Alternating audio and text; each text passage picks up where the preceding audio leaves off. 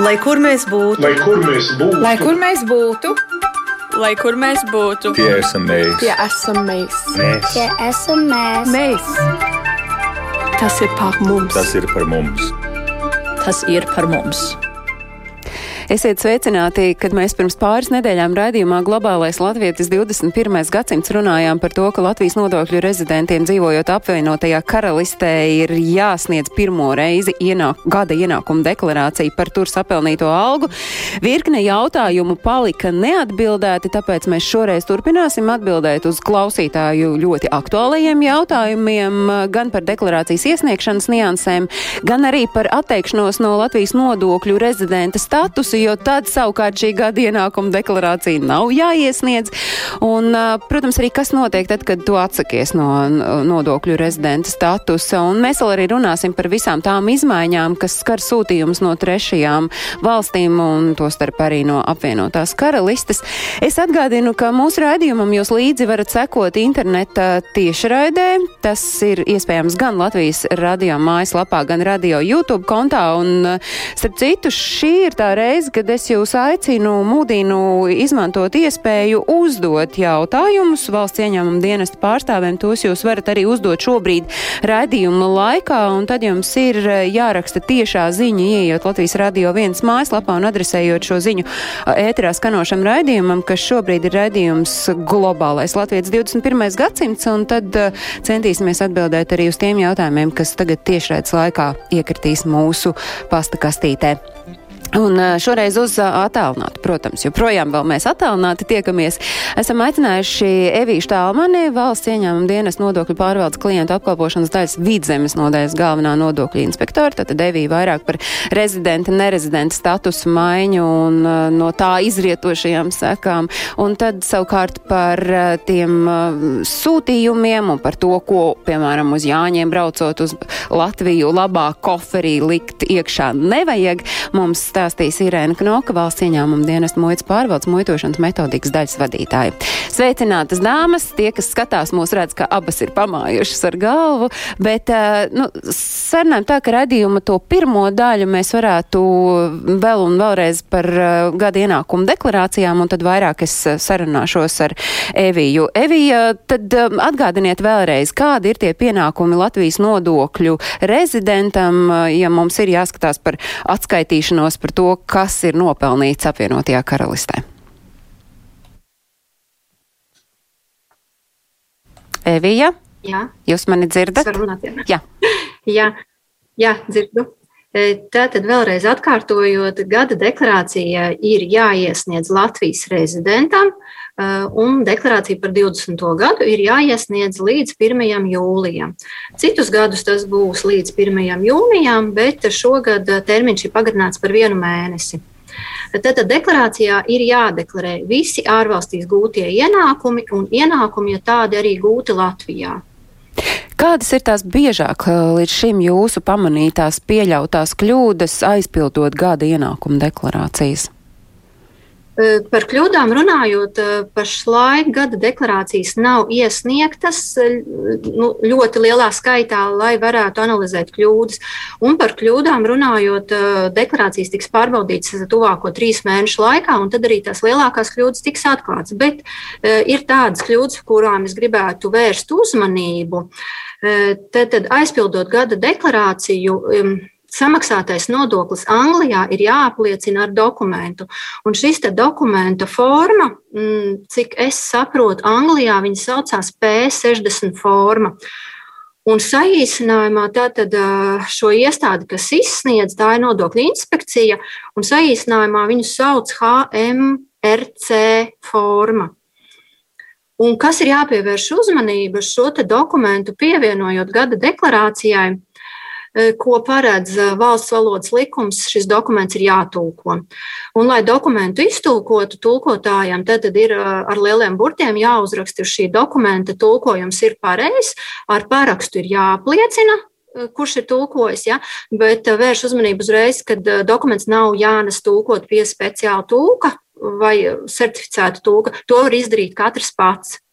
Ja, Tātad katrs pats iztulko un vienkārši ar savu parakstu arī apliecina. Tas nozīmē, ka nav liekas klapatas tur ejot, es nezinu, pie kāda tiešām uh, notāra Jā. vai sazina vēl kur kādu, kas apliecinās, ka šīs dokuments ir notulkots Jā. pareizi. Tieši tā, un nu, varbūt arī tas dokuments nav jātulko viss pilnībā, jo tāda informācija, kas tur ir vispārīga informācija, kas attiecās uz nodokļu maksātāju, to var sīkumos arī netulkot. Galvenais, lai tās sadaļas, lai mēs saprotam, kur ir ienākums, kur ir nodoklis, kur ir kopējais gada nopelnītais, un ka tā ir darba alga vai kāds cita veida ienākums. Nu, tās tās lietas, kas ir jāatcerās. Tad uh, vērsīšu uzmanību arī uz to, ka mums tā tad nesakrīt šie taksācijas gadi. Šī P60 forma tātad tiek izsniegta no aprīļa līdz nākamā gada aprīlim. Tad, attiecīgi, lai apliecinātu 20. gada ienākumus no janvāra līdz decembrim, tad šīs divas P60 formas ir jāpievieno klāt pie gada deklarācijas. Tātad, ja? nu, tas būtu, kas attiecās uz deklarāciju. Ja šo ievēros, un nu, principā arī pēc šiem dokumentiem jau gada deklarācija tiek aizpildīta. Jautājums, tad, tad jūs sakāt, ka tās deklarācijas tiks vētītas pēc tā 1. jūlija, pareizi es saprotu? Mm, nē, trīs mēnešu laikā no iesniegšanas brīža. Ja tagad tajā vērtēšanas laikā, kas jau ir pēc iesniegšanas termiņa, tiek se, pamanītas kļūdas un tā deklarācija principā ir nederīga, tad kāda ir tā tālākā rīcība? Tas arī pagājušajā reizē bija tāds aktuāls jautājums. Par kļūdu labošanu un novēršanu noteikti inspektors sazināsies ar nodokļu maksātāju un savstarpēji vienosies, kādā veidā šīs kļūdas ir labojams. Vai dokuments atsūtāms, tikai piesūtāms klāt, vai arī, ja tās būs tiešām rupjas kļūdas, ja tas būs par pa, pa pastu sūtīts dokuments, ja, nu, tad būs atkārtoti jāiesniedz. Labi, tātad ar deklarācijām vairāk vai mazāk jūs, es saprotu, ka gaidāt, ka tas lielākais bums varētu vēl tikai sekot, ka proti šobrīd tā iesniegšana ir gana kūtra, bet es pieļauju domu, ka paralēli deklarācija iesniegšanai notiek tas otrs process, ka cilvēki vienkārši aktīvi atsakās no nodokļu maksātāja rezidenta status, kas nozīmē, ka nu tad viņam visas šīs klapatas paliek aiz muguras, viņš ir uh, tīrs attiecībā pret valsts ieņēmumu dienestu. Nu, nav, nav nekādas um, šīs, uh, pi, nav pienākumu. Tad, uh, kuri ir tie, kuri var kļūt par uh, nerezidentiem, kuri var no šī statusa atteikties? Tātad no rezidenta status, Latvijas rezidenta statusa var atteikties nodokļu maksātājs, nu, tātad, kurš jau neatrodas vai nedzīvo Latvijā vairāk par 183 dienām. Tātad arī deklarēto adresi Latvijā ir paziņojis, ka tā ir ārpus Latvijas. Un, attiecīgi, izvērtējot šo rezidents statusu zaudēšanas iespēju, tiek uh, vērtēts arī vitālais interešu centrs, kur ir, kur, ar kuru valsti ir ekonomiskās saites stiprākas, personiskās saites stiprākas. Ja? Attiecīgi, tiek vērtēts arī, kur atrodas ģimene, vai Latvijā ir nekustamie īpašumi, vai Latvijā vēl ir kāda saimnieciskā darbība, kas aktīvi tiek veikta, ja? vai varbūt uzņēmums ir, kas arī atrodas Latvijā nu, šie faktori tad, tad visi tiek vērtēti. Un, ja ir iesniegts iesniegums, un iesniegumam ir pievienots klāt rezidenta apliecinājums, ka šis rezidents status ir iegūts apvienotajā karalistē, tad tas ir pamats, lai vērtētu rezidents statusu maiņu Latvijā. Eh, runājot par šo iesniegumu mainīt eh, rezidenta statusu, kļūt par nerezidentu, vai tur ir kādas kļūdas, uz kurām jūs gribat norādīt un atgādināt, lai, lai nebūtu tāda dokumentu sūtīšana šurpu turpu, ja tas notiek pa pastu? Jā, ja tas notiek pa pastu, gribu vērst uzmanību, ka mm, iesniedzot šo iesniegumu, nodokļu maksātāji iesniegumā neiekļauj savu personas kodu.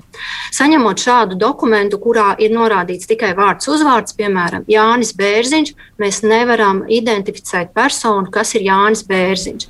Jo Latvijā personas tiek identificētas pēc personas koda.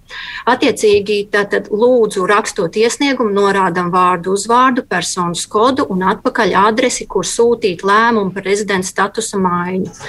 Tad ekrānā jau redz, ir pievienots šis rezidenta apliecinājums, ko, kas ir jāiegūst apvienotajā karalistē. Un tātad šis dokuments apliecina, ar kuru datumu, vai uz kuru datumu, vai uz konkrētu brīdi ir piešķirts šis apvienotās karalists rezidents status. Un, jā, pievērst uzmanību, ka šis ir tas īstais dokuments, kuru vēlamies mēs redzēt iesniegumam pievienotu. Jo, nu, Tātad iesniegumam tiek pievienot vis visāda veida apliecinājumi, gan darba devēja izsniegtas izziņas, gan setledu kodu kodi. Ja, bet nu, vērš uzmanību, ka šis ir tas dokuments, kuru mēs vēlamies redzēt. Jūs varat vēlreiz atgādināt, kur tad šādu dokumentu saņem tam, kurš grib atteikties no rezidenta statusa Latvijā? Tātad šo dokumentu var iegūt apvienotās karalistes nodokļu inspekcijā. Un, tātad saīsinājums šai iestādē ir HMRC. Labi. Šī dokumenta stūrītī, kreisajā stūrītī var arī redzēt mm -hmm. šīs iestādes logo un saīsinājumu.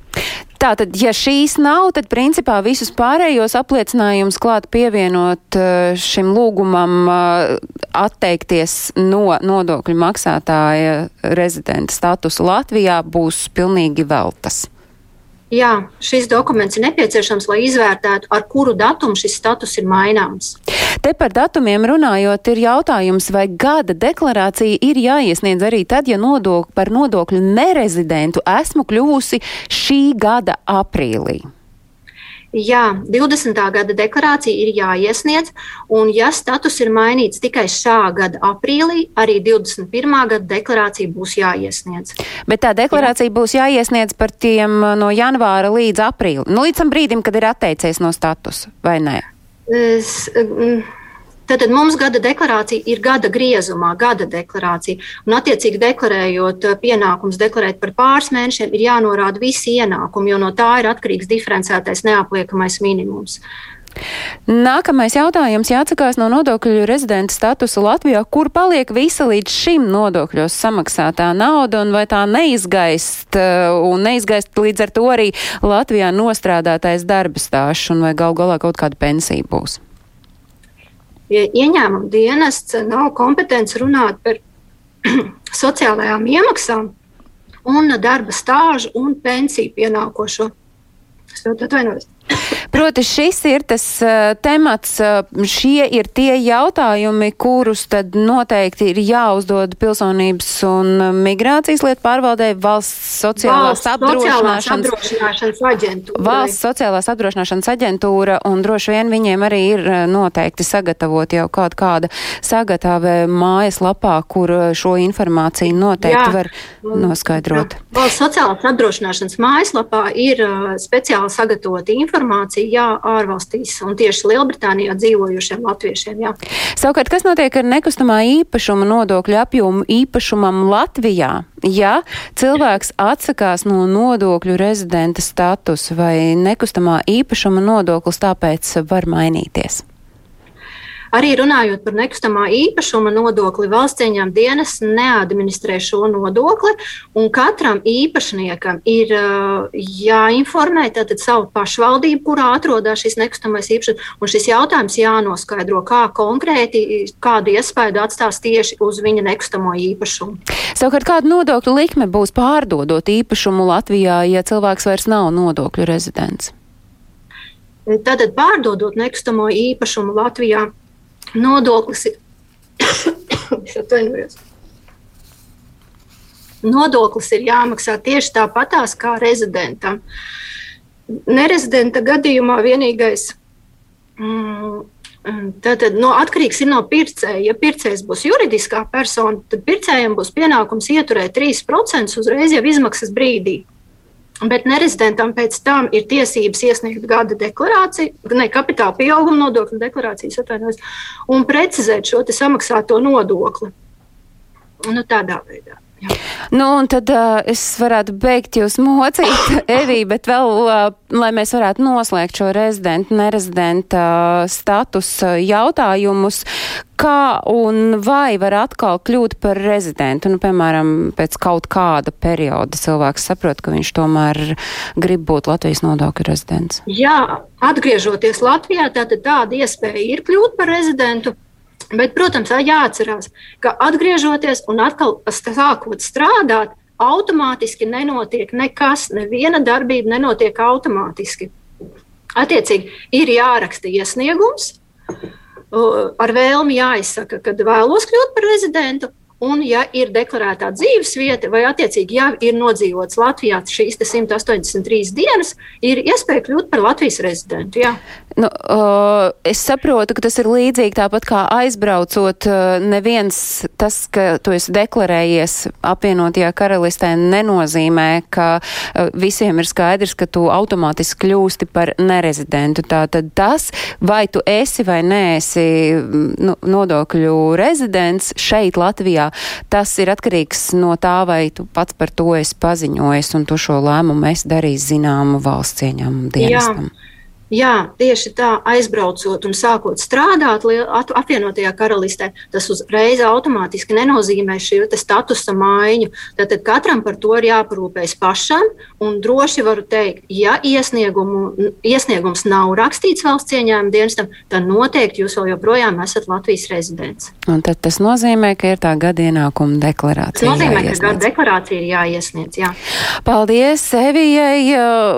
Varbūt, ka paliekat, ja nu gadījumā ir vēl kāds jautājums, kas ir saistīts ar, ar jūsu tematiku.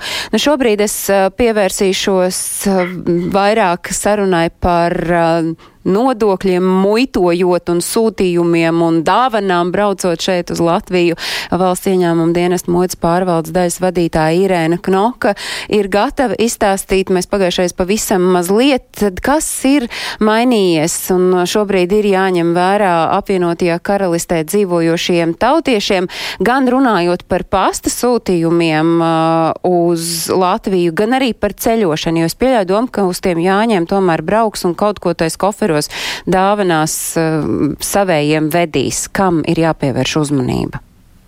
Jā, labdien! Es varbūt atļaušos sākt ar ceļotājiem, jo tas stāsts ir nedaudz īsāks un uh, tur nekādi jaunumi klāt nenāk.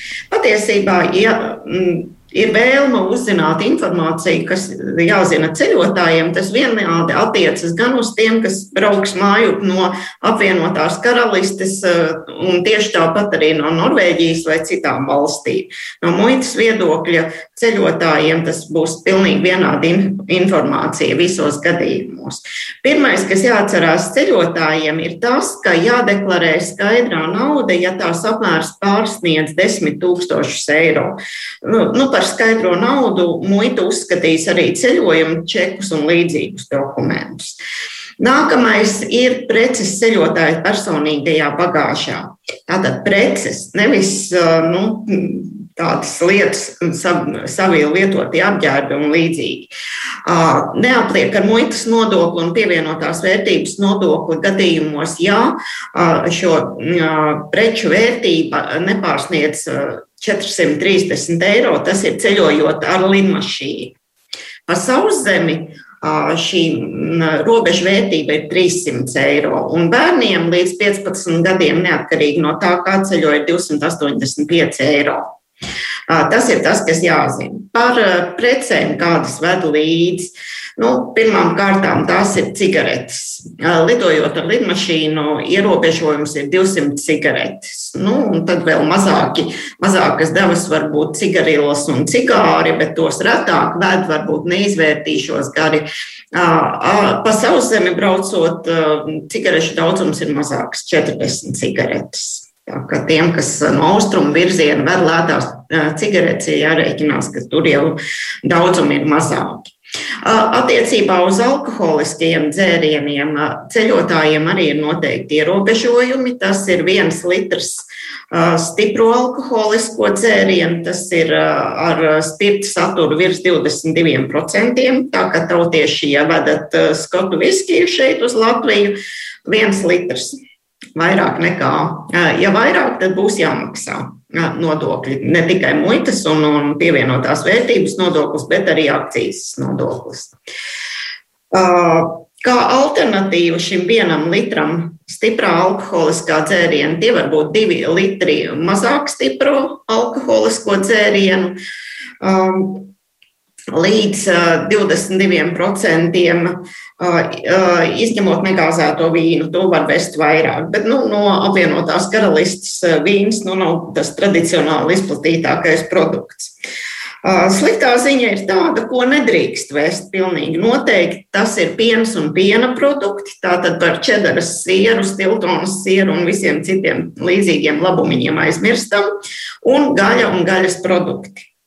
Tas, ko var droši vest līdzi, tie ir pārstrādāti ne dzīvnieku izcelsmes produkti. Tas ir tēja, kafija, kakao, dažādi um, cepumiņi, šokolādes, um, apstrādāti rieksti bez čaumalām, um, dažādi izstrādājumi no augļiem un līdzīgas lietas. Uh, vēl attiecībā uz pienu, piena produktiem uh, jāpiemina, ka zīdaiņu pārtiku līdz um, diviem kilogramiem speciālā iepakojumā var vest.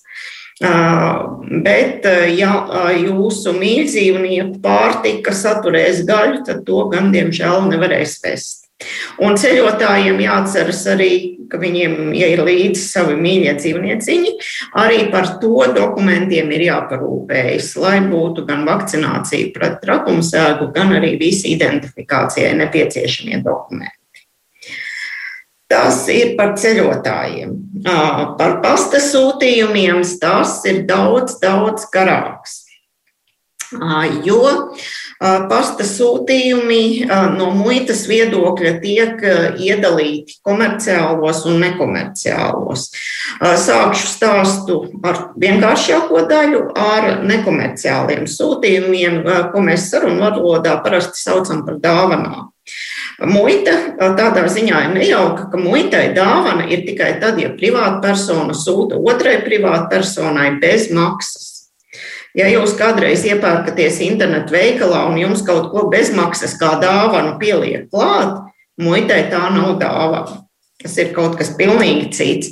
Bet, nu, tā tad, ja tā ir patiešām dāvana no jūsu tuvajiem mīļajiem, tad dāvanas apliek ar nodokļiem, ja to vērtība pārsniedz 45 eiro. Un dāvanās drīkst atrasties arī Um, akcijas preces, uh, ko neapliek ar maksājumiem, bet arī daudzumu ierobežojumi ir speciāli noteikti. Tajos varbūt, varbūt, ka šajās niansēs neiem, man ir jautājums, kurš nosaka to dāvanas vērtību? Nu, dāvanas vērtība parasti, ja ir pasta sūtījumi, tomēr tiek pasta dokumentos norādīta. Tur arī parasti saturs norādīts. Tāpēc, ja šeit Latvijā kāds saņem dāvanu un nezina sūtījumu saturu, viņam ir jāvēršas pie pasta operatora, un tā ir tā viņa iespēja noskaidrot, kas tad sūtījumā ir ievietots, un pēc dokumentiem saprast, kāda ir vērtība. Tātad līdz 45 eiro tur uh, dāvanu sūtīt uh, drošu sirdi. Jā. Kas attiecas uz pirkumiem internetu veikalā, tie no muitas viedokļa ir, viedokļa ir komerciāli sūtījumi, un šobrīd vēl līdz 1. jūlijam pastāv atbrīvojums gan no muitas nodokļa, gan no pievienotās vērtības nodokļa, ja sūtījuma vērtība nepārsniedz 22 eiro. Un šīs preces arī parasti tiek piegādātas patiešo vai arī bez kādas muitošanas. Pasta nodaļā ir iespējams saņemt. Izņēmums ir tad, ja sūtījumā ir kaut kādas aizliegtas, ierobežotas preces, nu, piemēram, medikamenti, kur vai nu, ja tie ir atļautie medikamenti, medikamenti ir nepieciešami speciāli dokumenti, tā skaitā receptes, čeki, un tām ir jābūt oriģinālajos iepakojumos. Um, nu, tā, tad ir nepieciešama jau nopietna muitas deklarācija. Šādā Bet uh, es varu pieķerties jūsu sacītajam nopietna muitas deklarācija. Tas ir tas atslēgas vārds, uh, no kura var izsprukt līdz 1. jūlijam, uh, ja iet, ietilps šajos konkrētajos noteikumos. Visos citos gadījumos no 1. jūlija, saprotu, nopietna muitas deklarācija kļūs par ikdienu sūtījumiem no trešajām valstīm, to starp apvienotās karalistas? Šeit arī vēl ir gradācija. Okay. Mums ir tāda no, nosacīta vienkāršota deklarācija, ar kuru es domāju, tomēr nedaudz piepūloties un izlasot instrukciju vai noskatoties video rullīt valsts ieņēmuma dienesta mājaslapā, eh, var tikt galā katra fiziskā persona pati. Un tad ir jau tāda muitas deklarācija, kurā jāiekļauj ziņas par speciāliem dokumentiem. Kā jau teicu, medikamenti, kur ir vajadzīgs pievienot recepti, tur ir jābūt rēķinam no zāļu tirgotāja vai ražotāja un tā tālāk. Arī kažoki, kur muitā ir pienākums pārliecināties, vai tie nav no kaut kāda reta aizsargājuma dzīvnieku kādā. Un tur jau ir tāda fundamentāla deklarācija kuras aizpildīšana prasa papildus zināšanas. Un tā vienkāršotā deklarācija, kas ir brīvi pieejama katram caur valsts ieņēmuma dienesta elektroniskās deklarēšanas sistēmu, ir tikai precēm līdz 1000 eiro. Uh, Ja ir interese par to, kādi tad varētu būt maksājumie nodokļi. Nē, es pirms mēs ļoti tādās niansēs ieejam, vai jūs varat man pateikt, kas tieši mainās no 1. jūlija, ar ko būs jārēķinās sūtītājiem? O, no trešajām pasaules valstīm, tostarp tātad mēs Ķīna, tā ir arī Krievija, tā ir arī, protams, jau iepriekš minēta apvienotā karalista. Kas mainās? Mainās tas, ka tas atbrīvojums līdz 22 eiro vairs neeksistēs. Tātad visas preces no pirmā centa tiks apliktas ar pievienotās vērtības nodokli. Un es tagad dzirdu šausmās vienkārši visus mūsu skatītājus un klausītājus, par ko mums tas sots. Vai tas mēs vienīgie, vai tomēr visā Eiropas Savienībā tagad šādi noteikumi būs? Šādi noteikumi būs visā Eiropas Savienībā, jo vienā atsevišķā dalība valstī kaut ko tādu ieviest būtu pilnīgs neprāts. Protams, ka nākamajā dienā visus sūtījumus novirzīt uz kaimiņu dalību valstu un atmuitot tur, un tāpat mēs no savu PVN neko nedabūtu. Bet, ja tas ir visur vienādi, tad uh, jā, uh, un no 1. jūlija preces no, no, no 1 centa līdz 150 eiro apliks tikai ar pievienotās vērtības nodokli, un virs 150 eiro uh, gan pievienotās vērtības nodoklis, gan muitas nodoklis. Un kas ir svarīgi atcerēties, to ļoti daudzi neņem vērā. Uh, tabakas izstrādājums, arī elektroniskās cigaretes uh, komerciālos sūtījumos aizliegts saņemt. Tātad tos internetu veikalos nekādā gadījumā pat nemēģiniet iegādāties, lai pēc tam nav jābēdājas, ka muita konfiscē un vēl uzliek kādu sodu.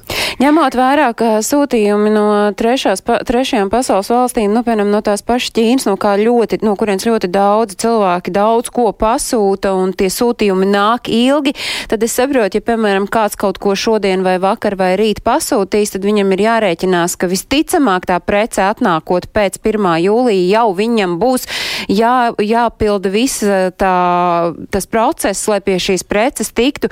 Nu, jūs varat tagad, nezinu, nu, vienu piemēru izstāstīt soli pa solim, kā cilvēkam ir jārīkojas tajā mirklī, kad viņam tā prece atnāk. Nu, preci jau pie cilvēka neatnāk. Viņš saņem sūtījumu no pasta vai ekspresa pasta eh, paziņojumu, kur ir rakstīts, kāds ir izsakošanas numurs, tas tracking number, ko mēs visi pazīstam. Un tad vēl tāds mistisks pudu numurs.